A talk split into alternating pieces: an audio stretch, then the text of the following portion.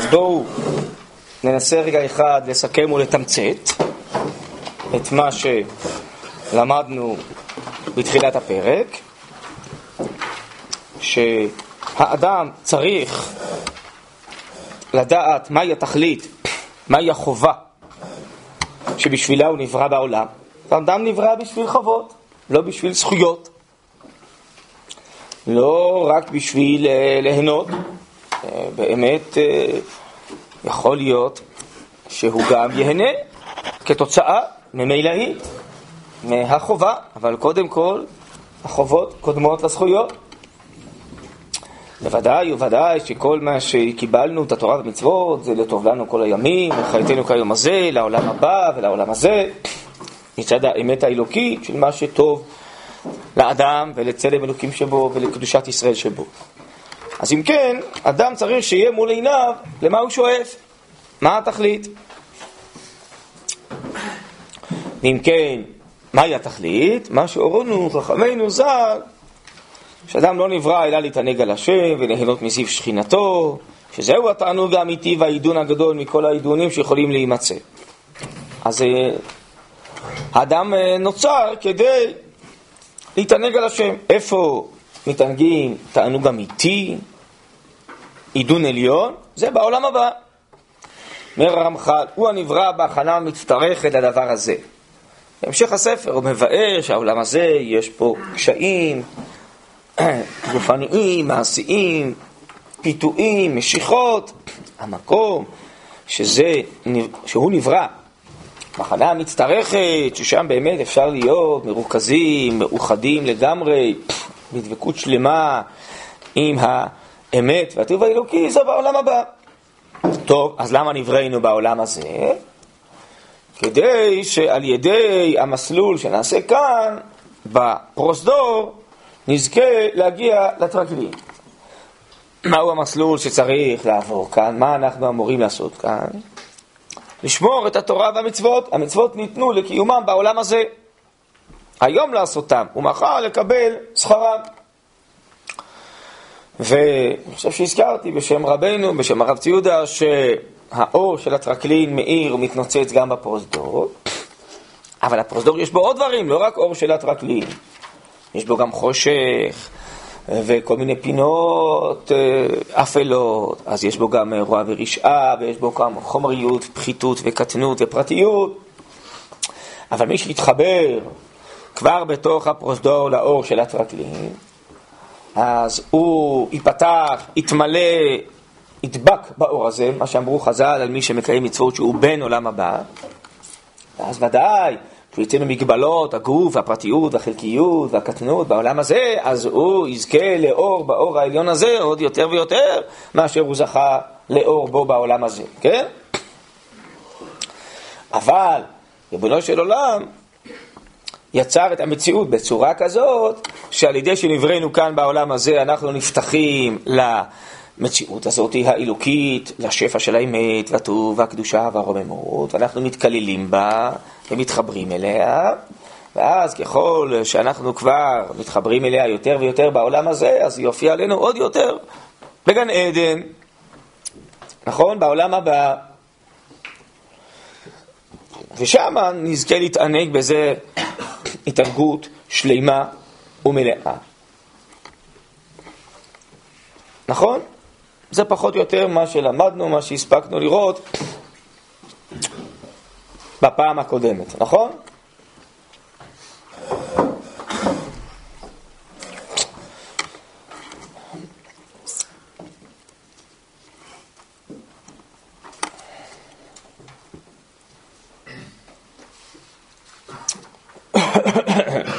סיכם את זה במה שאמרו חז"ל, מסכת עירובין, היום לעשותם.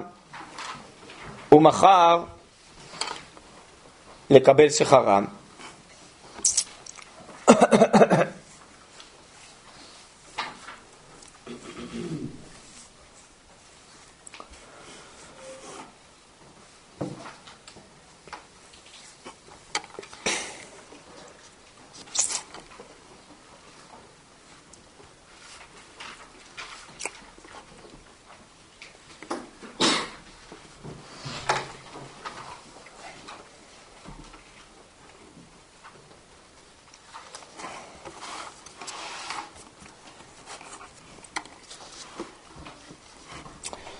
בעצם אנחנו מבינים מכאן אולי שני עניינים מרכזיים. קודם כל, שהתכלית היא לא בחיים עצמם של עולם הזה, אלא אחרי החיים, בגן עדן, בעולם הבא, במקום שאין את כל המפריעים והמבלבלים, כל המאבקים והמלחמות, כפי שהוא אומר בפרקים הבאים.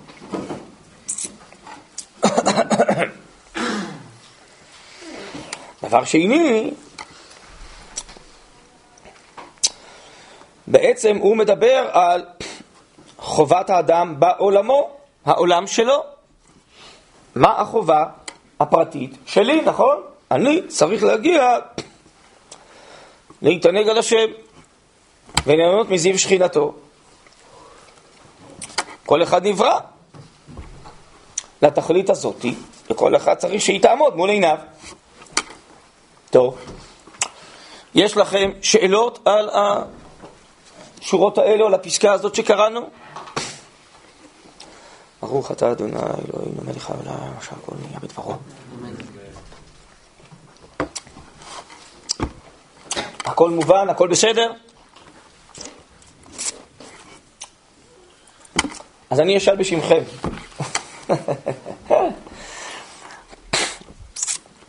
שאלה ראשונה,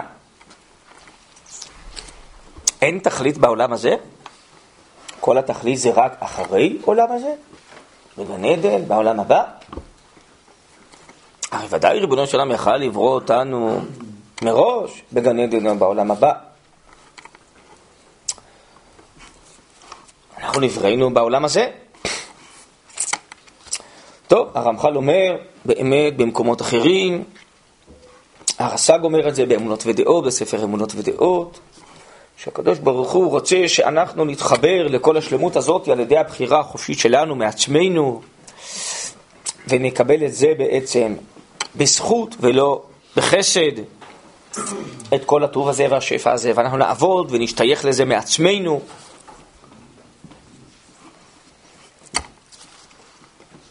בסדר. אבל גם אחרי הדברים הללו, אפשר היה לברוא אותנו לצורך תכלית בעולם הזה, לא? ואנחנו נעבוד וננסה להגיע לשלמות של קרבת השם בעולם הזה. האם באמת כל החיים בעולם הזה זה אמצעי להגיע לגן עדן ולעולם הבא? אולי כן. לכאורה זה מה שכתוב כאן. אבל בהיגיון האנושי שלנו זה קצת נראה מוזר, שכל מה שהשם ברא את עולם הזה עם כל השפע של הטוב והבריות והחוקים הגשמיים והרוחניים שיש בו, הכל זה אמצעי בעצם למשהו שאחרי העולם הזה. כל הטוב הזה, כל החוכמה האלוקית הזאת, כן, כל זה ש... יש לנו כזאת היסטוריה עשירה של יציאת מצרים ומתן תורה, כל זה, זה נברא בשביל משהו שהוא אחרי העולם הזה בעצם. זה רק אמצעי למשהו אחר. גם אם נזכה למלכות ישראל ולבית המקדש, הכל זה אמצעי למשהו אחר. יכול להיות, אבל זה לכאורה נראה קצת מוזר, לא? שאלה שנייה, האם באמת כל התכלית שלי היא רק פרטית?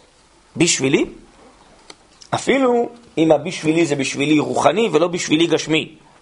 להתענג על השם, מזיו שכינתו, בגן עדן, בעולם הבא, אבל זה לא קצת מצומצם שהאדם רק נברא בשביל עצמו? אם אדם היה דואג רק לעצמו היום באופן גשמי, היינו מסתכלים עליו, לא כל כך בעין יפה, נכון? הוא חושב רק על עצמו, אומרים, נכון? ואדם יחשוב על עצמו ורק על עצמו רוחנית, זה כן? בסדר. מה ההבדל?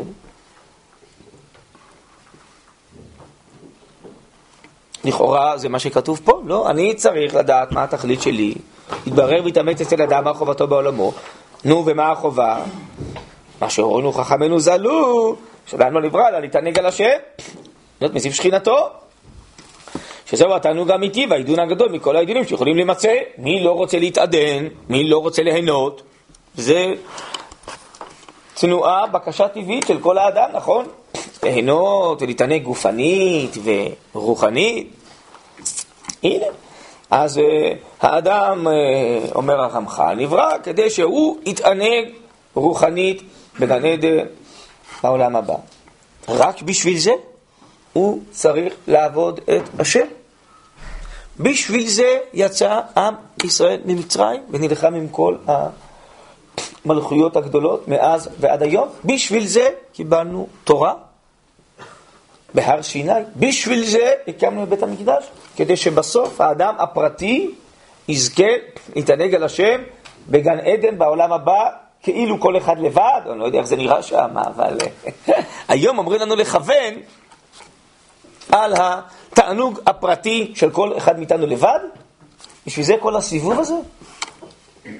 זה משהו כזה, לא ככה היינו אומרים היום, לא? שעושות ככה עם, ה... עם היד בסיבוב, לא? גרד באוזן בסיבוב, לא? סליחה על הדימוי ועל ההשוואה, אבל אה, כל המונח ההיסטורי זה כדי ש... למה צריך בכלל עם?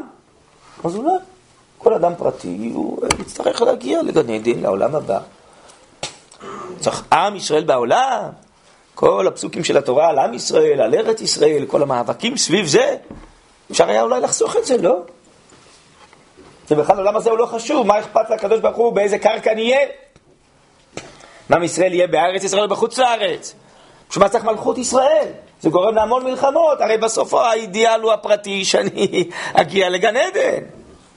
אולי הייתי יכול לחסוך את כל הסיבוב הזה עם כל המלחמות האלה וכל המאבקים, וכל אדם פרטי ינסה לעבוד את השם, להגיע לגן עדן, לעולם הבא באופן פרטי ואחרי החיים.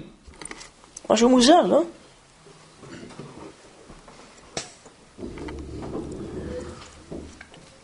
טוב, אז אני אבקש במחילה לעסוק איתכם דילוג. לא שאנחנו כבר שם, לפרק י"ט.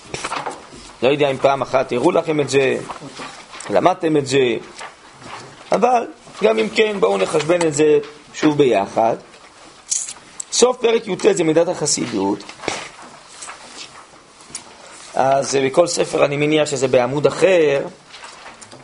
אני מתכוון, הנה ביארנו עד הנה החסידות, מה שתלוי במעשה ובאופן העשייה, ונבאר אתה תלוי בכוונה. וכבר דיברנו גם כן למעלה מעניין לשמה ושלא לשמה למדרגותיהם. אצלי בספר זה בערך ארבעה עמודים לפני הסוף. אולי תיתנו לי איזה חלק מן הספרים, אז אני אמצא לכם אה, בעמודים. כן? מצאת? אז תגיד לכולם איזה עמוד. הנה, כן, פה ק"ו, בהוצאה הזאת. בהוצאה הזאת, סליחה, דינר? 104. טוב, כבר יש לומדים הרבה את הספר הזה היום, יש הרבה הוצאות. בסדר? אז לכולם בבקשה למצוא את זה. אה, ונבאר אתה, אה, איפה זה? הנה ביארנו עדנה החסידות, מה שתלוי במעשה ובאופן העשייה, ונבאר אתה תלוי בכוונה. וכבר דיברנו גם כן למעלה, מעניין לשמם שלא לשמוע למדרגותיהם. מי שלא מצא יכול להעביר לי את זה, את הספר, ואני אנסה למצוא. כולם מצאו. מצוין. זריזים, מקדימים למצוא. אומנם ודאי, שמי שמתכוון בעבודתו לטהר נפשו לפני בורו, למען תזכה לשבת את פניו. מכלל הישרים והחסידים, לחזות בנועם השם. ולבקר בהיכלו, ולקבל הגמול אשר בעולם הבא. שמעתם פעם משפטים כאלה? שמעתם או לא שמעתם? איפה? מה? מה שקראנו עכשיו פרק א', נכון? הוא מתמצת. עכשיו תשמעו טוב, לא נוכל לומר שתהיה כוונה זו רעה, אכן לא נוכל לומר גם כן שתהיה היותר טובה. למה? כי עד שאדם מתכוון לטובת עצמו, סוף סוף עבודתו לצורך עצמו. מה ששאלתי, הוא חושב רק על עצמו. בסדר, גם כל אחד מאיתנו חייב לדאוג לעצמו. השם הבא, הקדוש ברוך הוא נטע בנו אהבת עצמנו. גופנית, נפשית, רוחנית, אבל רק. נו, ומה הכוונה היותר נכונה? הרי פה הוא מדבר על כוונות לשמה, כי זה במדרגת החסידות. מה הכוונה לשמה היותר טובה? הוא אומר, אני לא יכול להגיד שזה רע. מה, זה רע שאדם דואג לעצמו? זה לא רע, זה טוב. אבל למה הוא דואג רק לעצמו? זה לא סוג של מידת סדום? מה זה מידת סדום? מה זה קשור? אה, אה, מה שכתוב פרקי אבות. אה. אה, כן, יכול להיות, כן. שרק הוא דואג לעצמו. זה לא, מידת סדום זה לא טוב. נכון? מה כתוב שם? זה מידה רעה כתוב? או מידה בינונית, לא, או בינונית, זה לא שאומרים.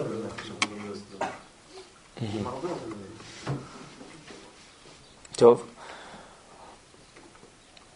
צריך להסתכל במפרשים, איך הם מפרשים את הביטוי הזה, זה חלק רע, אני לא זוכר. מה, זה רע שאדם דואג לעצמו? לא יכול להיות. אבל זה חלק רע, הכוונה שהוא דואג רק לעצמו. הרי שמה זה בדיוק העניין, לעומת אה, שלי שלך ושלך שלי וכן הלאה, שאדם הוא חסיד, נכון שהוא נות- נותן גם מעצמו לאחרים. כן. זה בעצם הכוונה, מה הכוונה? הרי נשמעתם אה, מאוד לנפשותיכם, לא? חייך וחייך וחייך קודמים, לא? שניים שהולכים במדבר ואין להם מספיק מים. אדם דואג לעצמו זה דבר רע, זה דבר טוב. אם הוא מפריד, יוצא מהפרופורציה, וזה על חשבון אחרים, הוא לא חושב על אף אחד אחר, אז זה החלק רע. כן, אני משוכנע שככה המפרשים שם מסבירים. אתה תסתכל. אבל הכוונה שזה מצומצם, הוא חושב רק על עצמו. טוב. אך הכוונה האמיתית המצויה בחסידים, אשר טרחו והשתדלו להשיגה, כן, החסידים טרחו, השתדלו להשיגה, זאת הכוונה האמיתית, הוא שיהיה האדם עובד רק למען אשר כבודו של האדון ברוך הוא יגדל וירבה, בשביל כבוד השם, לא בשביל עצמו. וזה יהיה אחר שיתגבר באהבה אליו יתברך, ויהיה חומד ומתאווה אל הגדלת כבודו, ומצטער על כל מה שמייעט, שימעט ממנו. מי ימעט? הוא עצמו. כי אז יעבוד עבודתו לתכלית זה, שלפחות מצידו יהיה כבודו יתברך, מתגדל. ויתאווה שכל שאר בני אדם יהיו כמו כן, ויצטער ויתענח על מה שממעטים שאר בני האדם. וכל שכן על מה שבאמת הוא עצמו בשוגג, או באונס, או בחולשת הטבע, שקשה לו להישמר מן החטאים בכל עת, כעניין הכתוב, כי אדם מצדיק בארץ אשר יעשה טוב ולא יהיה חטא. אז אם כן, קודם כל מה שקראנו כבר עד עכשיו, שאדם בעצם מכוון בשביל קידוש השם, בשביל כבוד השם. והוא רוצה לעבוד בשביל זה, הוא רוצה שאחרים יעבדו בשביל זה. דבר זה ביארו בתנא דבליהו, נמשיך לקרוא, מביא ראייה, שזה מה שצריך, ראוי לכוון. תנא דבליהו זכו לו טוב, אמרו, כל חכם מישראל שיש בו דבר תורה לאמיתו. כמו שהוא כתב קודם, הכוונה האמיתית, היותר שלמה, שאדם מתחבר ומול עיניו עומד, עומדת אור האמת. כל חכם מישראל שיש בו דבר לאמיתו. הוא מתענח על כבודו של הקדוש ברוך הוא ועל כבודם של ישראל כל ימיו. הוא מתהווה ומיצר לכבוד ירושלים ולכבוד בית המקדש ולישועה שתצמח בקרוב ולכ... ולכינוס גלויות. זוכה לרוח הקודש בדבריו וכולי. נמצאת ללמד שזאת היא הכוונה המעולה שחוגה לגמרי מכל הנעת עצמו, ואינה אלא לכבודו של מקום ולקידוש שמו יתברך, המתקדש בבריאותיו, בשעה שעושים רצונו. אז זה אמרו, זהו חסיד המתחסד עם קונו.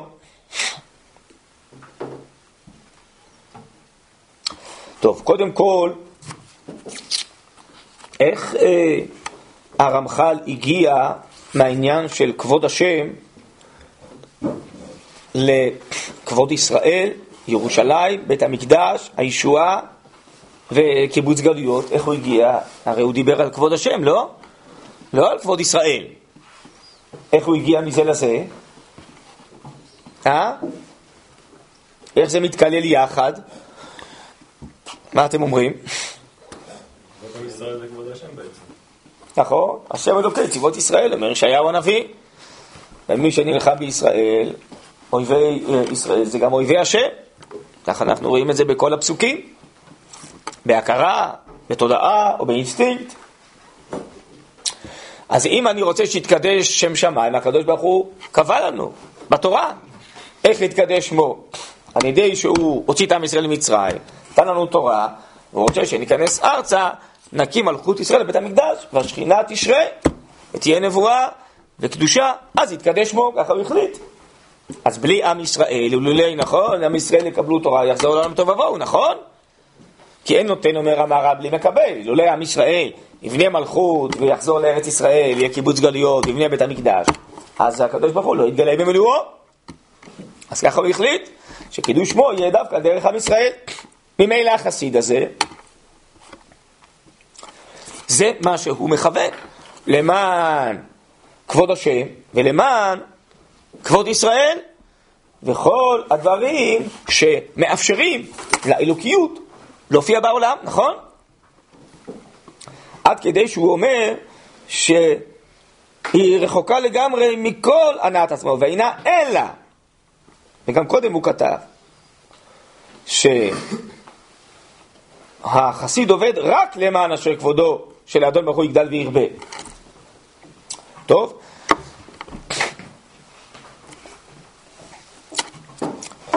אז זה אולי הערה שצריך להעיר.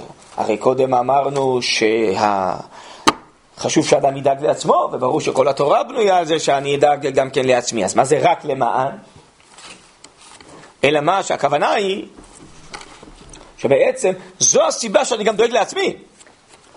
משום שגם אני, העצמיות היותר עמוקה שלי זה גילוי כבוד השם שבי. אז החסיד הוא כל כך זך, טהור, עם כוונה כל כך דקה וממוקדת, שגם הוא, העצמיות שלו היא כל כולה בעצם הופעת אלוקות. בסדר, אבל זה מדרגת החסידות, אז אולי נדבר על זה, אולי אה, עוד מעט אם יהיה אה, איזה כמה דקות מזה, איזו זווית. אבל אני רק תירצתי פה איזה שאלת אה, ביניים לכאורה על מה שאמרתי קודם, כן? איך אפשר להגדיר את זה במשפט, כאילו, את ה...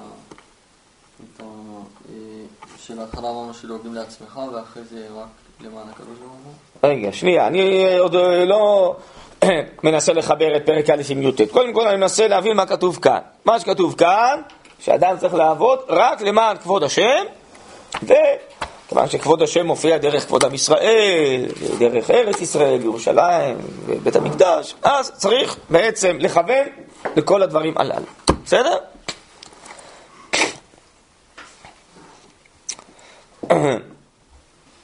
טוב, נעצור אולי רגע כאן בפרק י"ט, דברים פה ממשיכים, יש פה הרבה דברים חשובים, אולי נזכיר אותם פעם, אני רק רוצה להיות ממוקד בעצם בנושא שלנו.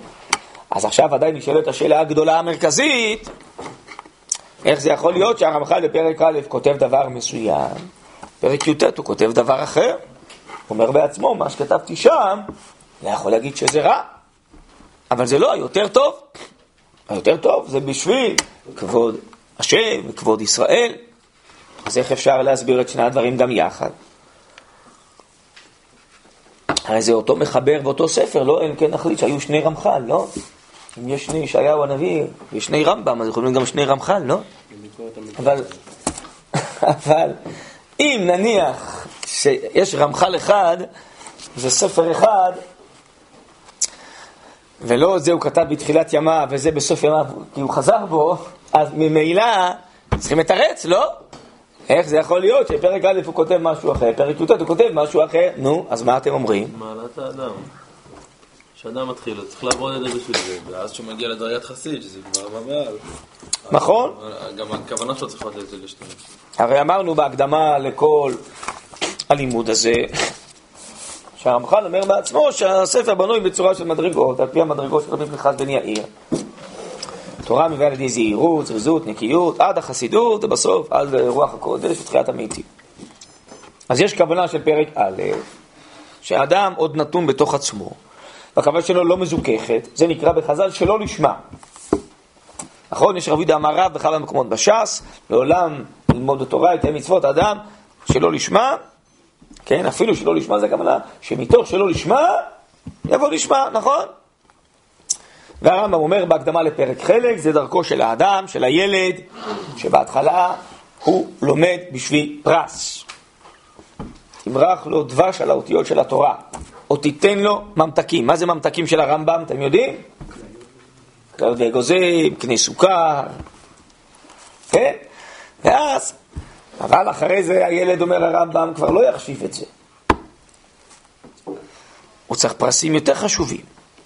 אז תקנה לו נעליים. לא יודע מה היה ריבוק בזמנו של הרב, זה עוד אקטואלי או שזה כבר פסה? יש משהו אחר היום, לא יודע. של מי זה היה? ככה הרמב"ם אומר, תקנה לו מתנות חשובות, כל מיני דברים.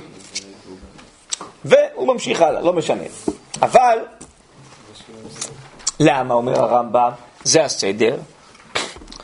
כי בתחילת דרכו הוא לא יכול לעבוד לשם שמיים, כי שכלו רפה. אז מה תגיד לו? למד האמת בגלל האמת. מה זה אמת? זה מופשט מדי, רוחני מדי, נשגב מדי, הוא לא יודע מה זה אמת. אם זה משהו שואל תועלתי, לא. יצא לו משהו מזה. אז בהתחלה יצא לו משהו, דבר כזה נמוך, פשוט.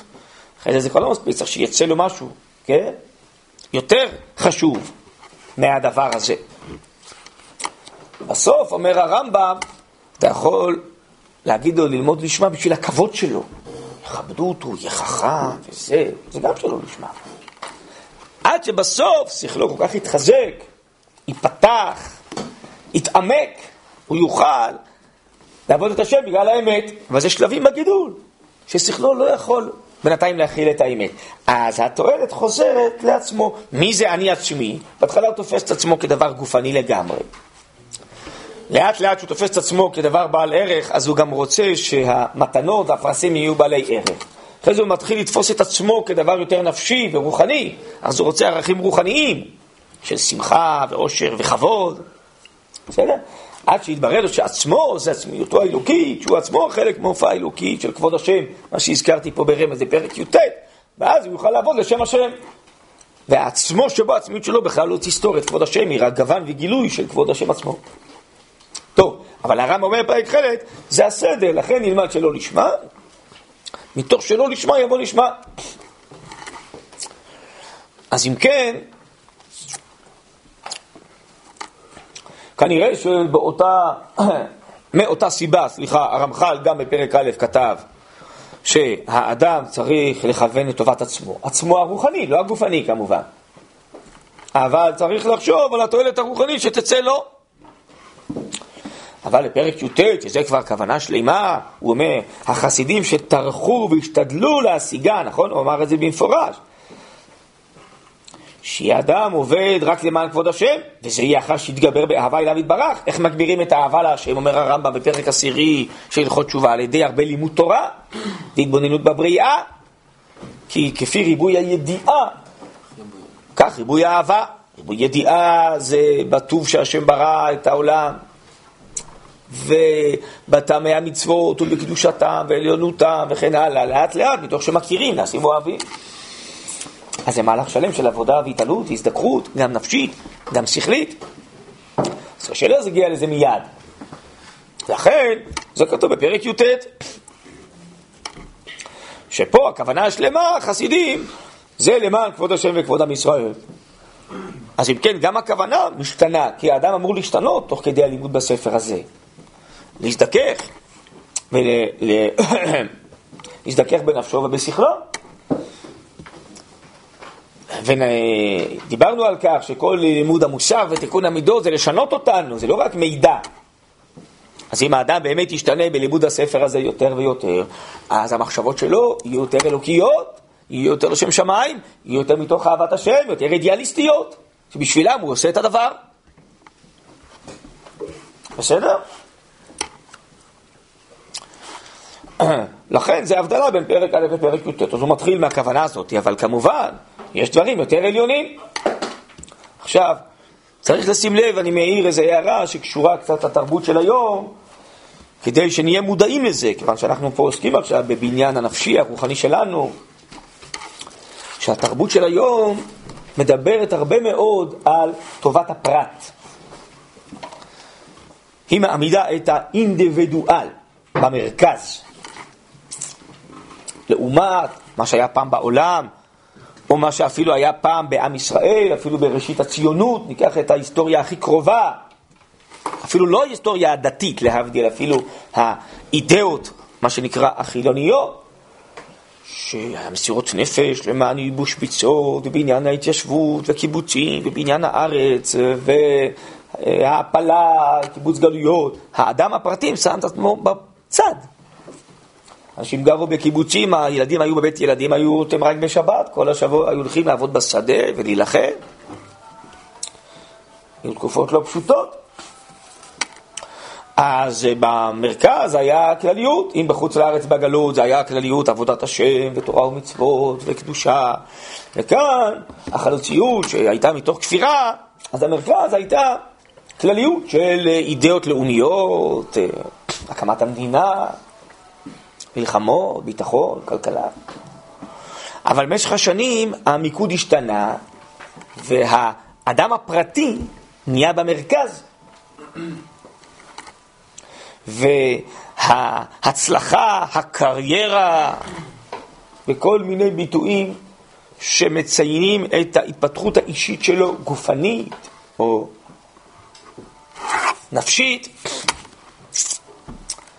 לא רק זאת, אלא החובות התחלפו בזכויות. אנחנו בתרבות שדנים הרבה על כבוד האדם וחירותו, על זכויות הפרט. מה עם חובות הפרט?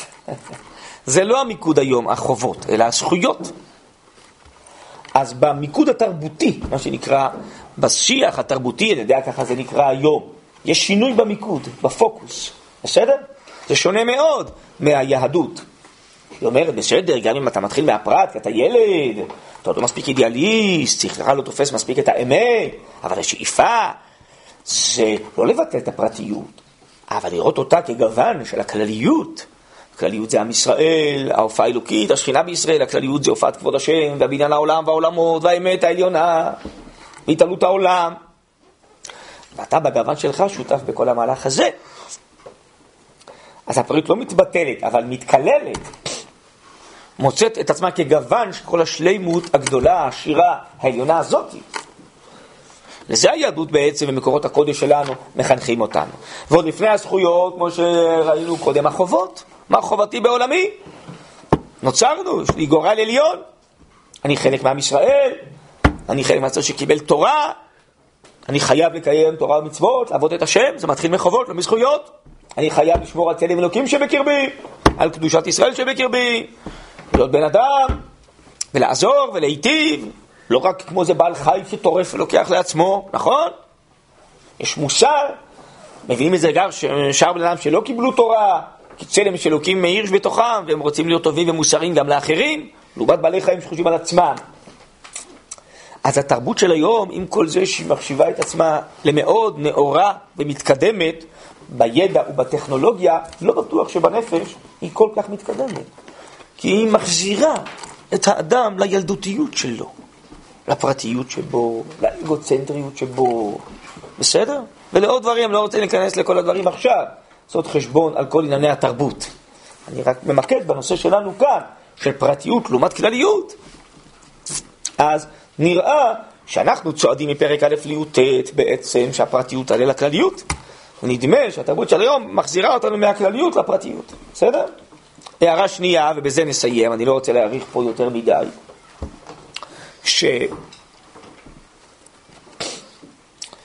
שהאידיאל, ציינתי אותו, של פרק א', הוא בעצם היה אחרי עולם הזה, אחרי החיים, נכון? כי איפה יש גן עדן, עולם הבא, זה אחרי החיים אה, כפי שהם מופיעים בטבעם, אה, בגופניות, אה, בעולם הזה. אבל דווקא האידיאל היותר עליון, של פרק י"ט, של הכוונה של כבוד השם וכבוד ישראל, הוא מחזיר אותנו לעולם הזה. זה כאילו הפוך על הפוך. חשבת שמשהו יותר במעלה מנתק אותי יותר מהעולם הזה. בדיוק זה יוצא הפוך. זה פחות במעלה. כי הקדוש ברוך הוא ברא את עולם הזה כדי שעולם הזה ועולם הבא יתאחדו, כי ביה השם צור עולמי. הוא ברא את העולם הזה כדי שאפילו הגשמיות והפרטיות וכל העולם החומרי יתקדש ויתעלה ויתקלל יחד בתוך עולם הבא. אז הוא לא ברא את העולם הזה שהוא יתבטל ויהיה חרב ונעבור אותו משהו יותר מהר והוא רק אמצעי והעיקר זה אחרי העולם הזה. זה בדיוק הפוך. האידיאל הכי עליון זה שהאלוקיות תופיע בתחתיות הארץ, ככה הקדוש ברוך הוא רצה, כך גזרה חוכמתו העליונה. אז דווקא האידיאל יותר עליון, הוא אומר, איפה בונים מלכות ישראל, איפה בונים בית מקדש, איפה עם ישראל יצא ממצרים, איפה הוא אמור לבנות את חייו, בעולם הזה, ממלכת כהנים וגוי קדוש, נכון? אז דווקא האידיאל יותר עליון, הוא יותר כולל, הוא כולל גם את העולם הזה, גם את החומר, גם את הגשמיות, גם את הפרטיות, והוא רוצה הופעה שלמה של התאחדות, עולם הזה ועולם הבא, התאחדות הנשמה והגוף, נכון? אז דווקא האידיאל היותר עליון מחזיר אותנו בעצם לעולם הזה. ואז אני חושב, הוא גם מסביר בשביל מה עם ישראל יצא ממצרים, בשביל מה הוא נלחם, בשביל מה קיבל תורה, בשביל מה צריך לבוא בבית מקדש. שאלתי אם זה הכל בשביל בסוף להגיע לפרטיות, או בשביל מה כל הסיבוב? לא, זה התכלית, זה האידיאל. לקדש שם שמיים בעולם הזה, כל התורה מוכוונת לזה, תסתכלו בפסוקים. הים שמר תשמעו, אם בחוקותיי תלכו, ועוד ועוד ועוד אין סוף פסוקים, נכון? על מה הם מדברים? על גן עדן, על עולם הבא? לא, מדברים על עולם הזה, לא? חז"ל מוצאים רמזים לגן עדן, העולם הבא, וזה נכבה בתורה. זה לא האידיאל המרכזי, אפילו שלא נבראנו בעולם הזה, נבראנו באמת לקדש השם בעולם הזה. זה האידיאל היותר עליון. נדמה לי שהזכרתי באחד השיעורים, נכון, את נשמות ישראל, שם הגר"א, שהם דומים מנשמות הגויים, שהם שונים, סליחה, מנשמות הגויים. שנשמות הגויים נוצרו מן השמיים ונשמות ישראל נוצרו מן הארץ. מן הארץ הכוונה היא שמסוגלים לאחד קודש וחול, נשמה וגוף, ולהופיע את כבוד השם בתחתונים, בתחתיות הארץ. זה האידיאל היותר עליון. אז דווקא האידיאל למדרגה יותר נמוכה, והוא אידיאל מצומצם, פרטי. אז הוא בעצם אומר, אני לא יכול להגיע לו בעולם הזה, ולא עם כולם יחד, צריך בשביל זה להיבטל, להתבדל כאילו, כביכול. לחשוב רק על עצמי, וזה אחרי החיים. אז האידיאל היותר אמיתי, היותר עליון, גם היותר כולל, אז הוא אומר, נגיע לזה כולנו יחד, עם ישראל, מלכות ישראל, אתם רואים, קיבוץ גלויות, ויהיה כבוד בית המקדש, הישועה שתשמח, כבוד ירושלים. נגיע לזה בעולם הזה, יחד עם כל הגופניות והגשמיות, שכמובן הכל יזדכך, הכל יתקדש, הכל יתעלה, כמו בזמן שלמה המלך, כמו בזמן התקופות העליונות, ועוד יותר יהיה בזמן הגאולה והמשיח, כן? בסדר, אז יוצא מחשבון כזה הפוך על הפוך. שדווקא האידיאל יותר כולל, הוא באמת יותר כולל. יותר אמיתי, יותר עליון, הוא לוקח את כל החיים ביחד, והוא אומר, כן, אפשר להופיע שלמות ביחד בעולם הזה. בסדר? טוב, אז בואו נעצור היום ככה.